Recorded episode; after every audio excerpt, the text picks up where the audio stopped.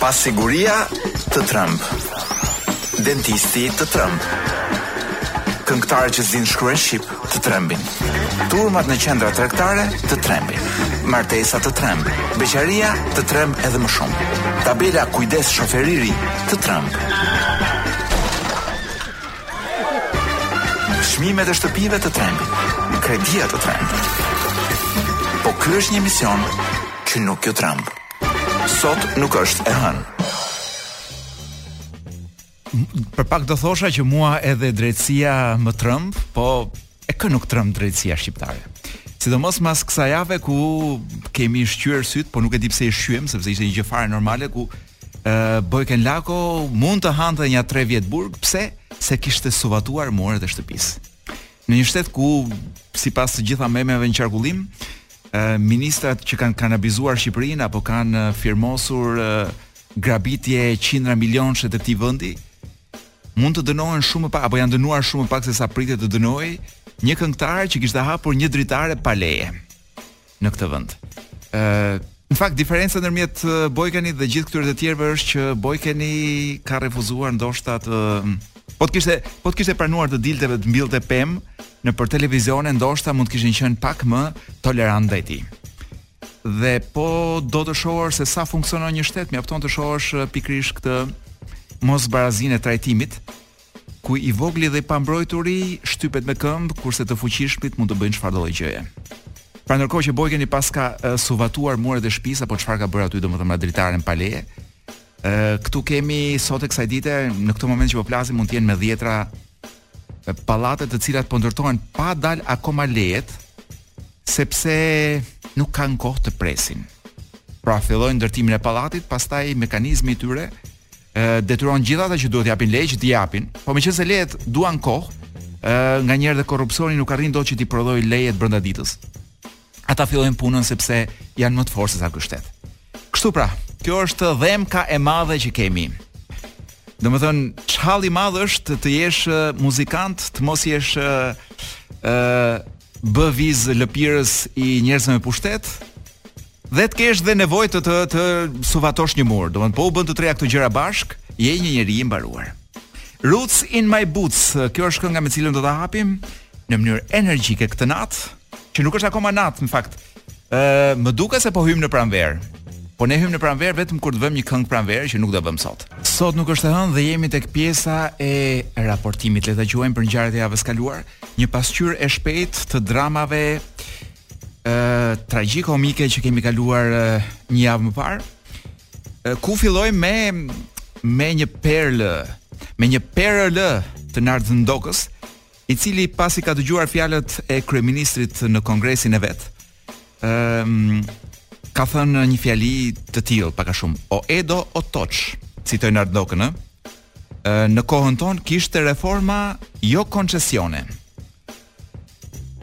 Dhe të don dhe fakti që të bëhet zemra pra të ndihesh i përfaqësuar nga Nard Ndoka me një fjali, do thotë që ky vend politikisht është në gremin të vërtet.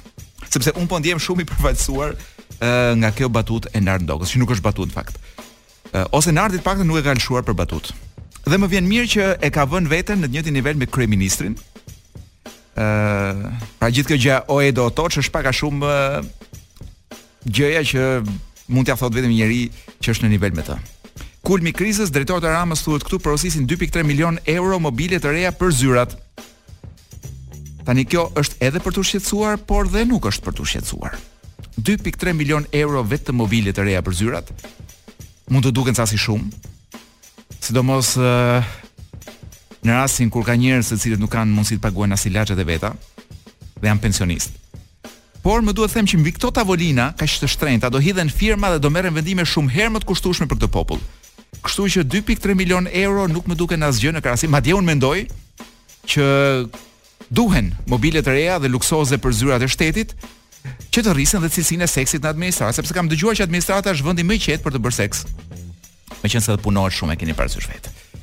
Ë Pra në qofë se ka Shqipëria një film porno me, me qindra seri dhe me qindra locations, ë kjo është administrata e shtetit shqiptar. Me të dëgjuar e kam.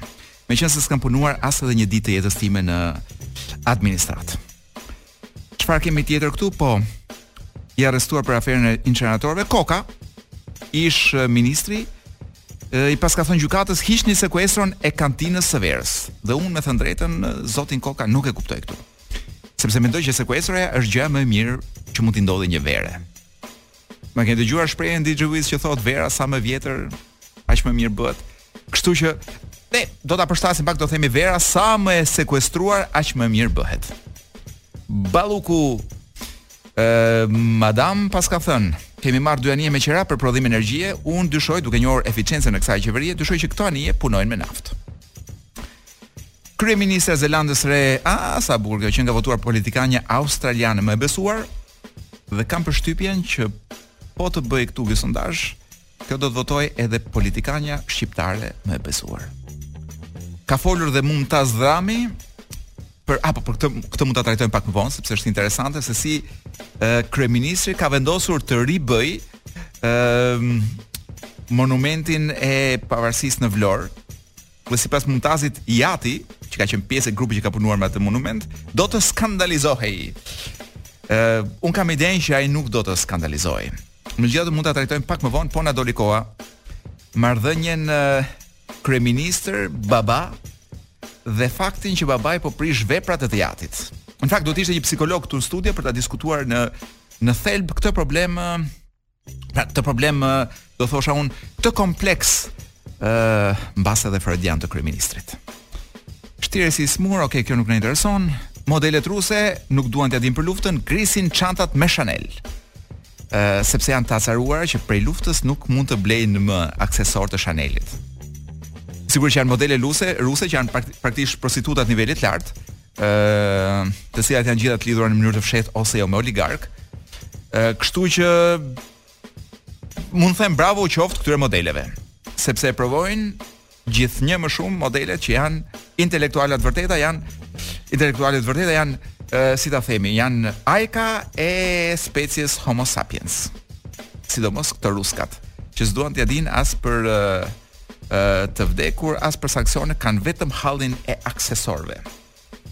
Kaq për sa i përket pasqyrës së lajmeve të javës së kaluar, tani dua t'ju lëshoj një këngë e cila është një lloj arome do thoja unë e viteve 2000.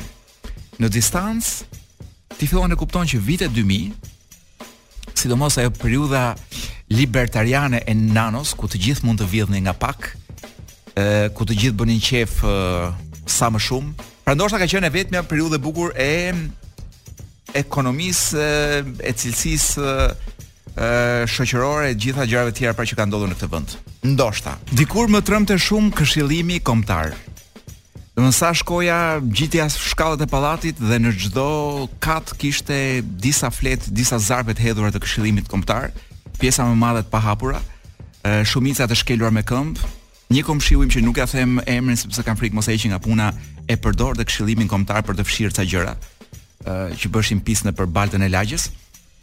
Dhe nga ana tjetër sa herë hapje e-Albanian të domethënë të dukej sikur dikush të godiste me një shpullë se dilte fap përpara ky këshillimi kombëtar dhe pata një lloj meraku thashë ore mos vallë kryeministri nuk është mirë do si është e mundur që njeriu që nuk këshillohet as me këshilltarët e vet sepse këshilltarët e kryeministrit nuk janë aty për të këshilluar kryeministrin por për të marrë këshilla nga kryeministri pra si është e mundur që kryeministri po kërkon vërtet një këshillim me njerëzit Aq më tepër masi është votuar për herë të tretë me dhjetëra milion vota e ku di unë se çfarë.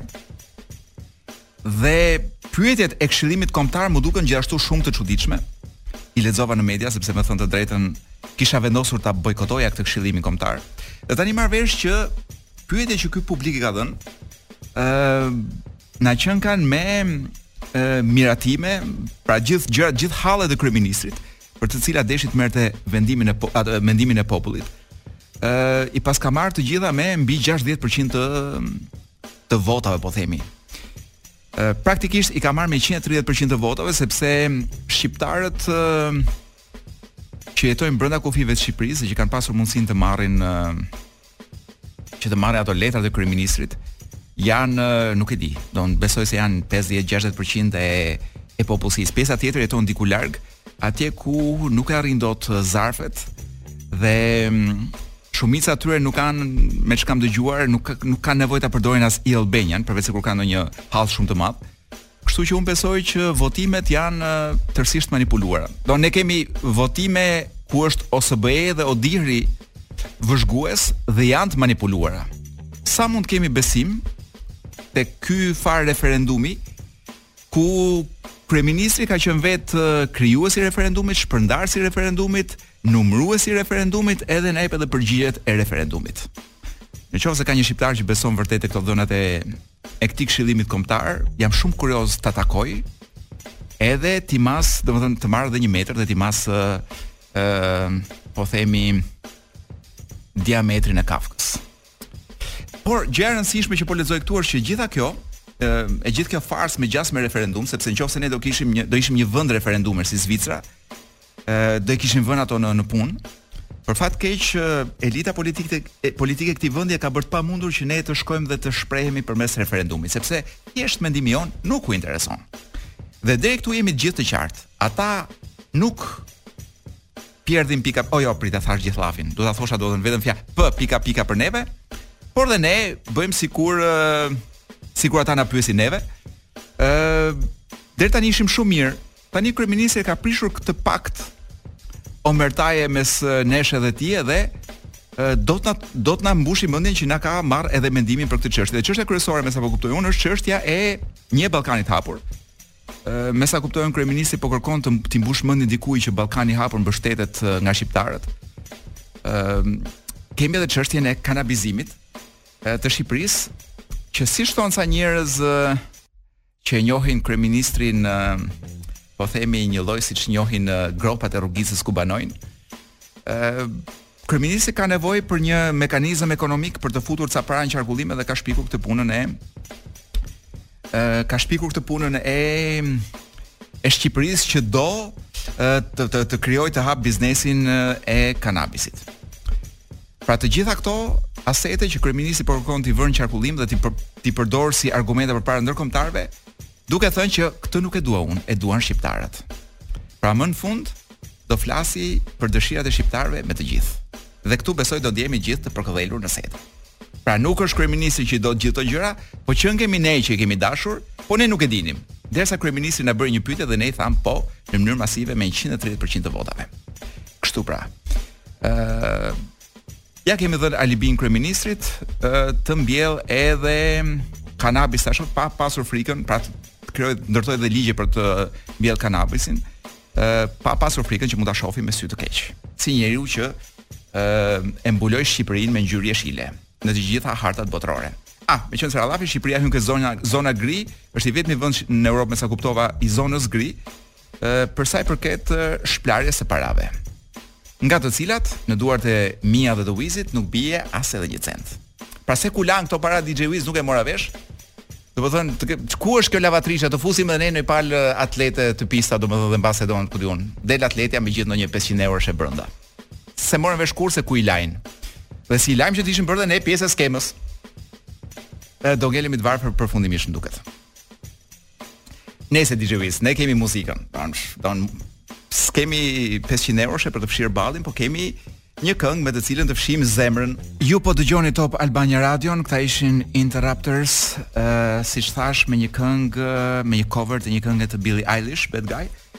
Ky është momenti ku unë shfletoj një libër dhe sot kam në dorë një libër të cilin e kam snobuar, nuk e di për nja 10 vjet paktën po DJ Wiz. Domethënë, Se nga më ka ardhur, besoj do ketë qenë ndonjë dhuratë, po e shija aty dhe shija kopertinën dhe nuk ma mbushte mendjen. Shija titullin, pa e, eh, titulli është Kur qau Niçja. Më duk shumë, më është dukur gjithmonë shumë melodramatik si titull, edhe abuziv do thoja unë, thash, unë nuk kam qenë gati për këto lloj melodrame. Me me dikë që quhet Nietzsche, sepse nuk ma mori mendja që bëhet fjalë për filozofin Nietzsche, Por që edhe qan ndër të tjera, pra një burrë që qan dhe unë nuk i mbaj dot këto gjëra. Pastaj kopertina Ky është një libër në fakt i botimit 2008-s, mos gaboj, është duhet të ketë edhe botime të reja, por që unë nuk e di. Ë, uh, un po flas për këtë që kam në dorë. Libri është i Irvin Jalomit. Mbase lexohet Irvin, ne kemi lexuar edhe një libër tjetër të tij. Ë, uh, ja doktor Jalomi është një nga psikiatrët më të njohur uh, në gjithë botën. Është si biçim, do thoja unë është si biçim Einstein i psikiatrisë, tani që po flas. Po. Ndoshta jo tamam Einsteini, po aty afër.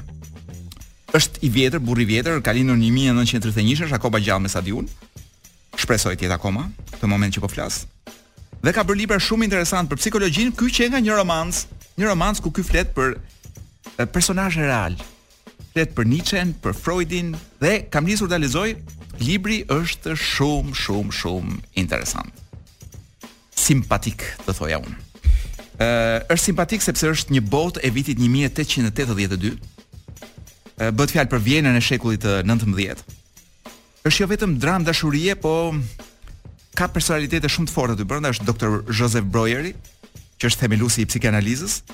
Është brenda këtij romani është Friedrich Nietzsche, që është filozofi një nga më të mëdhenjtë e, e botës gjermanike, ndoshta të gjithë botës. Është diku aty këtu del edhe Sigmund Freudi.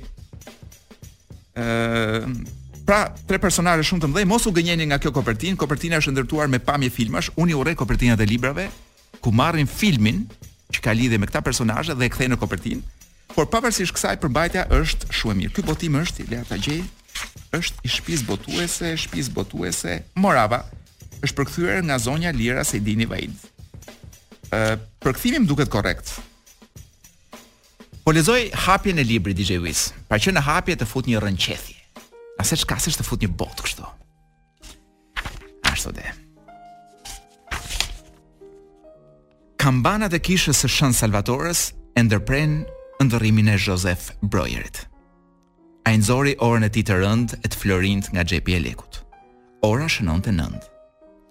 Lexoi edhe një herë pusullën e vogël me bordura argjendi, të cilën e kishte marrë një ditë më parë. Pusulla, lexon. 21 tetor 1882, doktor Brojer, Duhet të takohem me ju për një çështje tepër urgjente.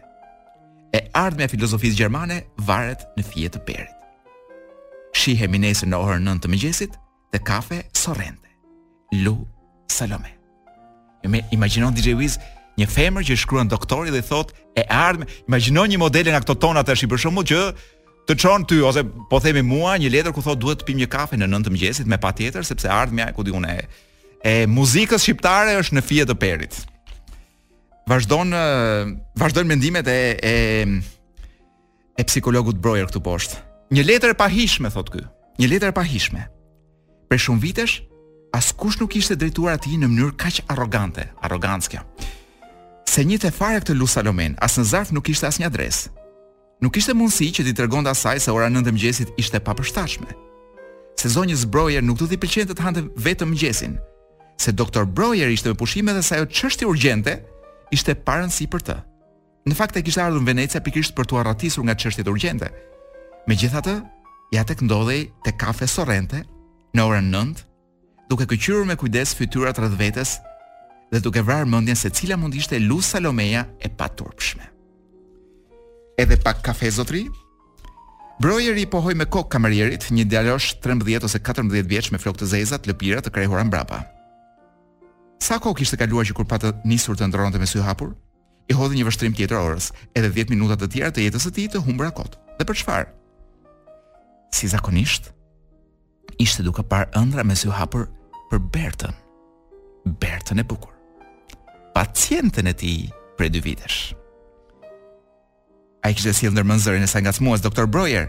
Përse keni kaq shumë frikë nga unë? Kishte kujtuar fjalët e saj kur i kishte thënë se nuk do të ishte më doktori i saj. Unë do të të pres. Ju do të jeni gjithmonë i vetmi burrë në jetën time. DJ Wiz më thuaj në qoftë se këto kjo faqja e parë nuk të rrënqeth. Po kaloj pak më poshtë te momenti kur ky pret në kafe dhe me çik vonesë vjen kjo vajza. Dikush u ngrit në tryezën ngjitur, gërvishtja e mprehtë karrigës metalike e zgjoi dhe sërish ai kërkoi me sy për Lu Salomen. Ja ku ishte. Gruaja që ecte përgjatë lumit Del Carbon dhe që po hynte në kafene. Vetëm ajo mund ta kishte shkruar atë pusullë. Ajo grua e bukur, e gjatë dhe e hollë, e mbështjellë me gëzof. Që po i hidhte hapat në mënyrë perandorake drejt tij, përmes labirintit të tavolinave të vendosur ngjitur me njëra-tjetrën. Dhe ndërsa ajo afrohej, Brojt Brojeri vërejti se ishte e re në moshë. Ndoshta akoma më e re se Berta. Ndoshta një nxënëse shkolle. Por çfarë paraqitje imponuese? E jashtëzakonshme. Eh, gee whiz. M'u mor fryma duke lexuar. Vjen kjo vajza e re, një një perlë bukurie.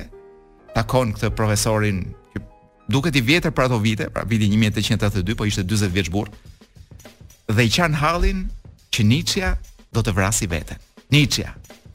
Do të po thor, do thoja unë një nga mendjet më të veçanta që ka shkelur në që pat shkelur në këtë rruzull botëror. Kështu pra, unë nuk e di nëse mund ta gjeni në nëpër librari këtë libër, por unë edhe dy javë të tjera do të vazhdoj t'ju lexoj ca copra që mua më pëlqejnë. E vëm libr, librin mënjanë, rikthehemi tek muzika jazz. Dhe meqënëse tekstet e hip hopit të trembin, do ju tremb dhe unë me një tekst hip hopi. Ka dalë albumi i fundit i Jovanottit i titulluar Mediterraneo dhe unë e kam dëgjuar dhe është një album shumë i mirë dhe gjëja që më pëlqen shumë është sepse Albumi uh, ka një unicitet të vetin në të gjitha këngët e tij. Pra nga fillimi deri në fund, ty të duket sikur po bën një udhëtim veror nëpër brigjet e Mesdheut. Dhe meqënëse unë jam nga ata njerëz që i kam qejf Mesdheun dhe vazhdimisht më pëlqen të kaloj kohë nëpër vendet e Mesdheut, ëm um, ku di unë, qoftë Spanjë, Itali, Greqi, Turqi, Tunizi, Pra gjithë këto vende janë të gjitha Mesdhe dhe të japin të gjitha një ajër që çuditërisht unë e ndjej te ky album. Dhe meqënëse, kjo, meqënëse Jovanotti mund të konsiderohet si reper, mund të konsiderohet dhe si një, di unë, këngëtar pop, Unë thashë pse mos japim për katër javët që vijnë ose pesë javët që vijnë nga një këngë të albumit të ri të Jovanottit. Kështu që kënga që është do thoja unë kënga kryesore e kënga më e promovuar hiti i parë i albumit I Love You Baby. Ë është një hit që është duket sikur është ndërkombëtar, por ka brenda atë aromën, siç thashë, të Mesdheut.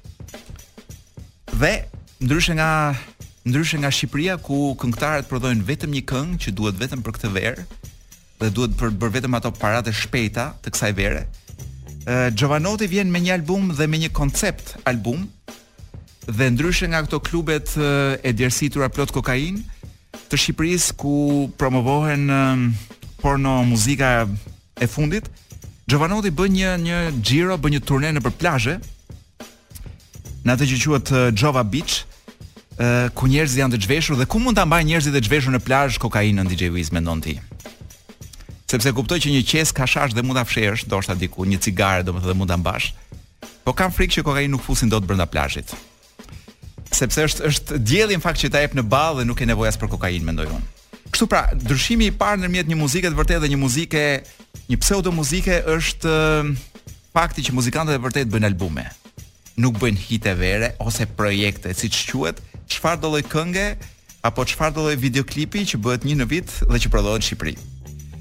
Ky është dallimi i parë i madh. Çdo javë do përpiqem do sjellim një këngë, do sjellim nga një dallim të ri ndërmjet muzikës së vërtetë edhe pseu mudi, pseudo muzikës shqiptare që gëlon tek turbo folku kryesisht, herë me nota hip hopi, herë me nota arabie, ë herë me nota dance të gjitha pa identitet, I gjithë ky album siç thashë ka një identitet të vetin që është Mesdheu. I love you baby. Jovanotti në Top Albania Radio. Ishte Jovanotti me I love you baby. Uh, ky ka marrë një këngë të vjetër dhe ka, si me thënë, e ka futur në në damar siç thashë mesdhetar. Ë uh, nga albumi i tij Mediterraneo, Mesdheu. Tani do të kemi një moment reflektimi për jetën dhe për botën. Ëh, meqenëse kryeministri në këto çaste që ne flasim është duke dhënë një konferencë shtypi me Olaf Scholz, ëh për Olafin është një nga punët e përditshme që vazhdimisht kur pret e përcjell shtetarë nga vende të ndryshme të japë edhe konferenca shtypi. Për kryeministrin tonë është një shans që vjen një herë në, ku di unë, 5-6 vjet, kështu që ëh mediat, sidomos ato që e duan shumë kryeministrin, po e festojnë në mënyrën e tyre, pra duke dhënë të gjitha me lidhje live sikur po ndodh çudia e botës. është thjesht një konferencë shtypi. Por cilat mund të jenë 10 mënyrat për t'i bërë qejfin kryeministrit, sepse ndoshta ka ardhur koha që të reflektojmë gjithë bashkë se si mund ta bëjmë sa më të lumtur sulltanin. Ë mënyra e parë për ta bërë të lumtur kryeministrin është, pra për t'i bërë qejfin kryeministrit, është që ta krahasosh, siç kemi kuptuar me figura të mëdha historike. Idealisht duhet të fillojë emri me S. Mënyra e dytë për t'i bërë qefin kryeministrit është t'i thuash që Sandri të bën të fala. Mënyra e tretë për ta bërë të lumtur kryeministrin është ta quash piktor në Facebook.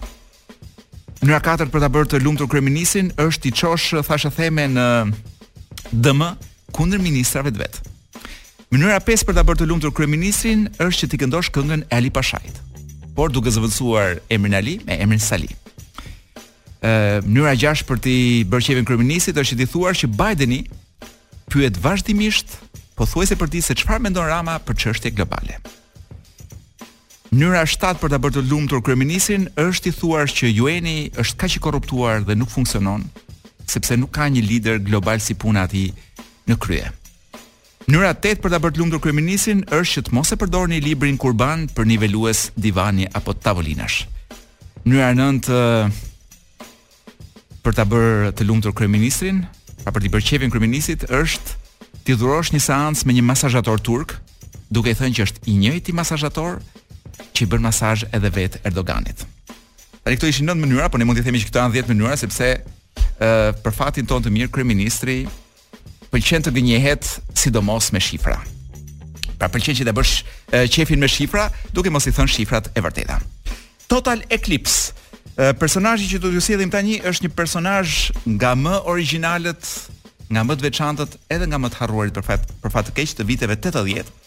është një nga artistët e parë që ka ë ka rënë hero, do thoja unë, me një plumb AIDS-i do thosha në ballë, po unë e di që s'e ka marrë në ballë, ky ishte homoseksual dhe ishte duke qenë se AIDS-i kryesisht u përhap në fillim tek homoseksualët.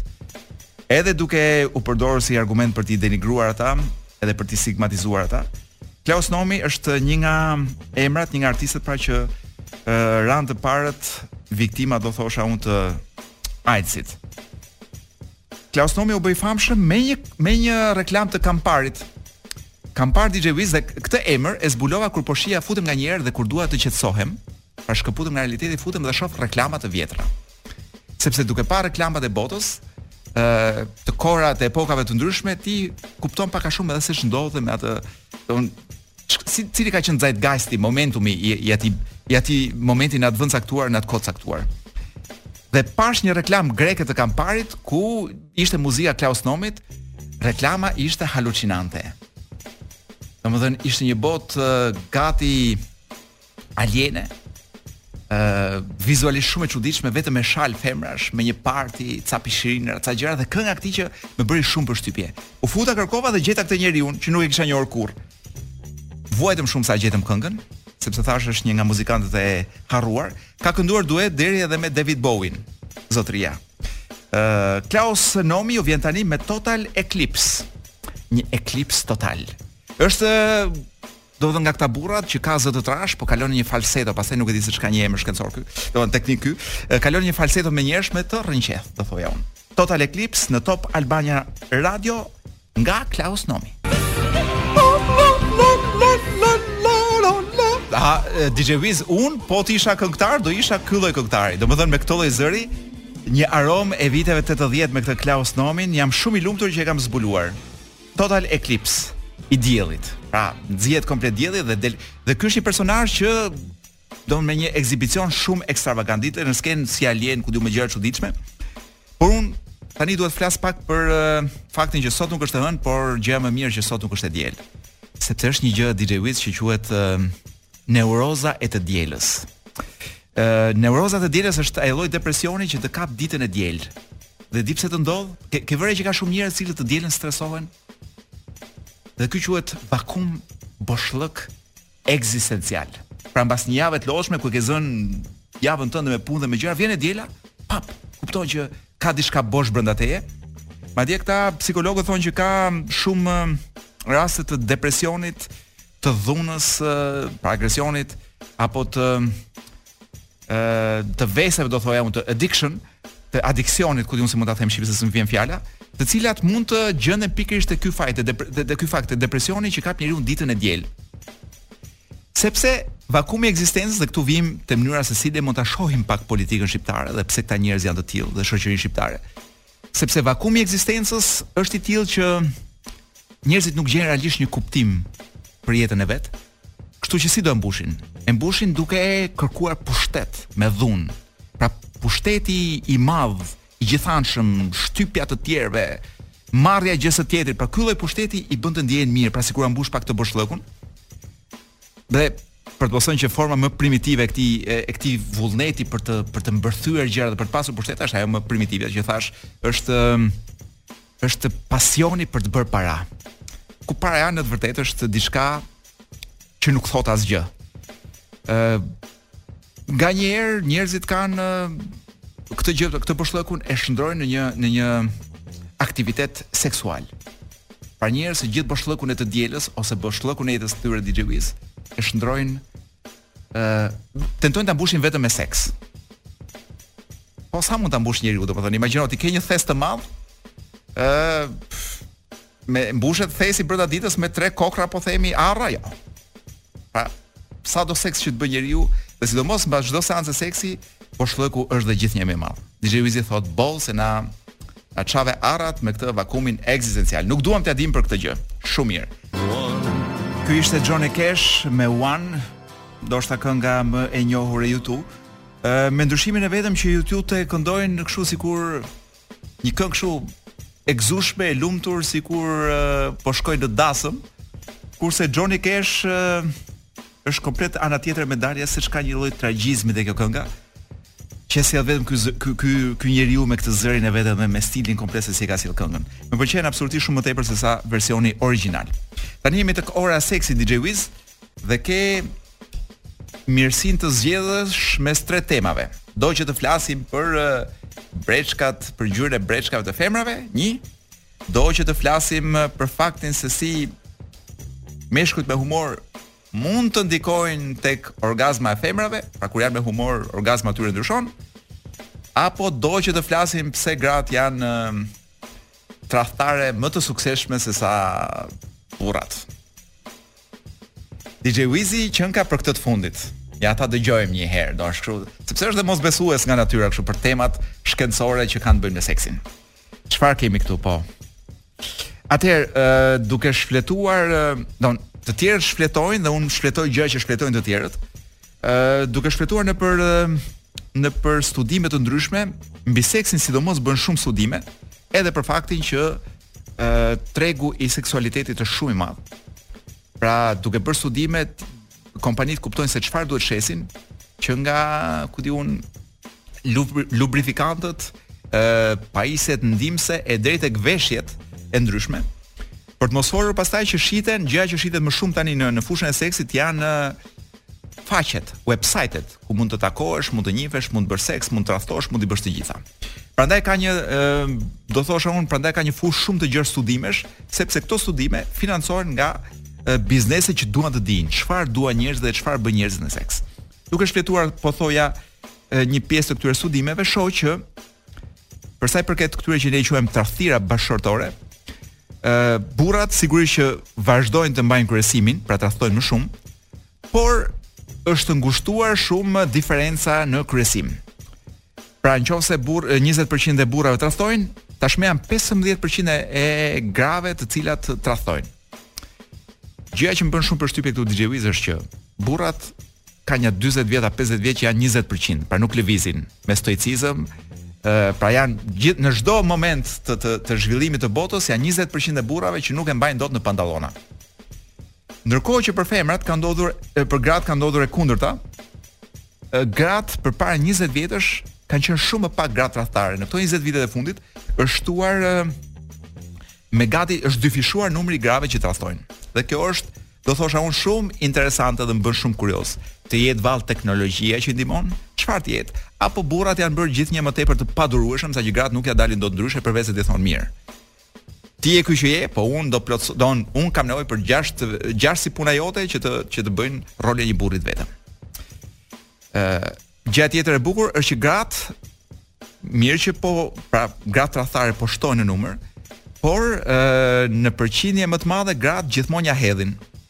Domethënë është e gjithë të gjitha nuk po nuk po i sajoj këto janë të gjitha të dhëna shkencore ë të cilat tregojnë që gratë ia dalin që ta që mos zbulohen kurrë. Pse do thuash ti? Ja të të jap disa argumenta. E para burrat janë çik budallenj. Po nuk e di pse, po po japin shenja.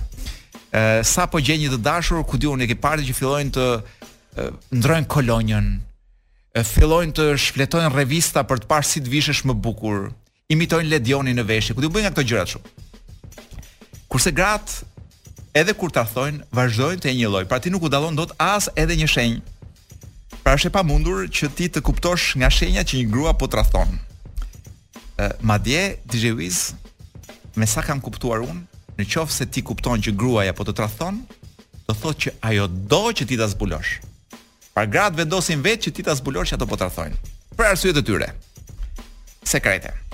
Që nuk janë dhe aq sekrete. Çfarë kemi tjetër këtu? Po. Ë në këtë punën e tradhtisë ndodh diçka e çuditshme që kur një burrë tradhton, ajo tjetra, e treta, ë gjithmonë qoftë dhe në mënyrë të fshehtë ka dëshirën për të zënë rolin e gruas, pra për të spostuar gruan dhe për të zënë atë rol.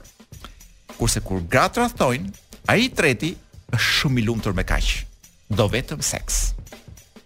Biles, ti mund të takosh komshiun përditë, të, të, të të japi dhe lek borxh, të ndihmojë të rregullosh makinën, e ku di unë se çfarë, ndërkohë dhe ti nuk e di që ky komshiu është në mënyrë shumë të lumtur duke plotësuar disa detyrat e tua që ti ndoshta s'po i plotëson shumë mirë në shtëpi. Ë, dhe arsyeja tjetër DJ Wiz është që gratë gjithmonë mendojnë në plan afatgjatë. Pra, dhe kur tradhtojnë, ka një plan afatgjatë për atë tradhtinë. Burrat në momentin që u jepet shansi për tradhti, nuk mendojnë dot më larg se sa 11 minuta nga ai moment. Ë dhe për ta mbyllur burrat e shkretë, se këtu është për t'i qarë hallin, janë shumë të zënë zakonisht edhe me punëra. Pra nuk kanë kohë fizike, ë nuk kanë kohë fizike për t'u kujdesur që mos zbulohen që kurse gratë e gjejnë kohën edhe për t'u kujdesur që mos zbulohen. Kaq nuk e di a i shuajta kuriozitetet e tua perverse DJ Wiz, po kaq kishim sot për uh, pjesën e tradhtisë. Mos vallë preferove tani që i dëgjove të gjitha do doje më mirë të ktheheshim tek breçka, te ngjyra e breçkave.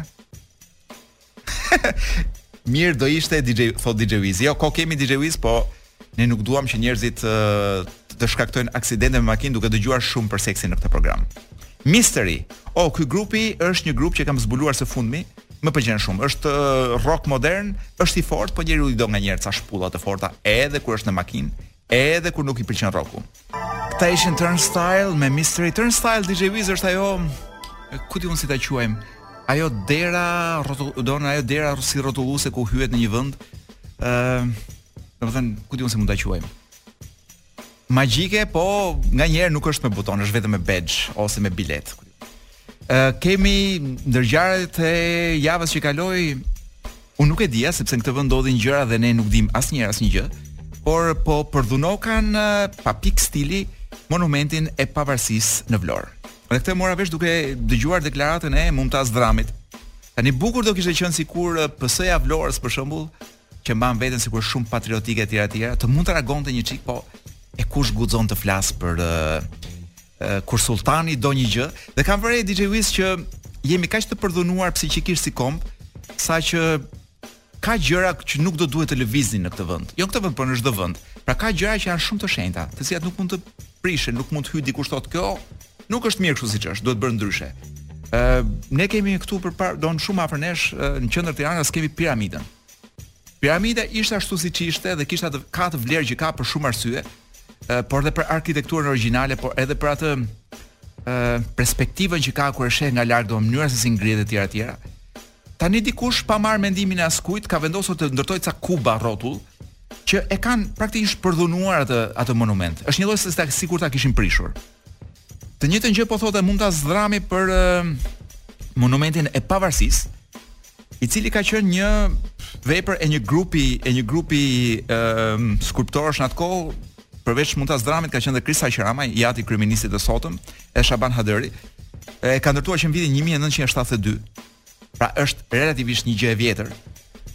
Është i lartë 17 metra dhe në është në qendër ka Ismail Qemalin, I vetmi autori i këtij grupi pune është Dhrami, i cili nuk është pyetur fare për këtë ndryshim që po i bëhet. Ë një ndryshim që është ja po lexoj, unë nuk e kuptoj mirë se çfarë ndryshimi po i bëjnë. Po besoj është diçka e tillë që kanë vendosur që nuk është bukur kështu siç është, duhet ndryshuar diçka. Dhe po ju citoj se ç'thotë Mumtazi vetë. Ë në këtë intervistë që ka dhënë nuk e di për kë ka dhënë. Nëse. Intervista është dhënë diku dhe më ka dalë mua para syve. Monumenti tani thotë duket sikur është bërë një skulpturë dekorative e ndonjë shtojzovalleje dhe nuk ka asnjë linjë që lidhet me monumentin e nuk krijohet ai emocioni i veçantë që kishim menduar ne. Muri prej betoni nuk ka të bëjë fare. Ah, po bëka ndonjë mur prej betoni aty. Se kryeministri është qejfli i madh betoni. Jeton vetë në një bunker dhe mendon që edhe gjërat e tjera vërdall do të jenë në formë betoni. Muri prej betoni thotë Dhrami nuk ka të bëjë fare me frymën e monumentit. Nëse kolegët do e shihnin, pra nëse i ati kryeministrit do e shihte, do të skandalizoheshin. Kështu pra. Jetojmë në kohrat ku Shqipëria nuk ka tashmë asgjë të shenjtë, asgjë që s'duhet prekur, nuk ka as edhe një kujtim nga çfarëdo lloj epoke, sepse diçka gjithçka mund të përdhunohet në çdo moment. dhe askush nuk guxon të ngrejë zërin në këtë vend. Madje edhe unë që po ngrej zërin, ndoshta do vijnë të më fusin brenda për suvatim ose për lyerje, do marrin vesh që kam lyer shtëpinë me ngjyrë gri, edhe do më fusin brenda, do tentojnë të më dënojnë për 3 vjet. Sepse shava sulltanin. Shava, don kritikova se kush guxon ta shaj. Zigzag. Rammstein. Sa për ta mbyllur. Fuqishëm, pra do ta mbyllim me energji dhe fuqishëm me Rammstein. Ju rikujtoj që ju po dëgjoni Top Albania Radion, unë jam Koloreto Cukali dhe çdo gjë që them është përgjegjësi imja personale, jo e radios. Pra mos e merrni inat radion. Duajeni atë.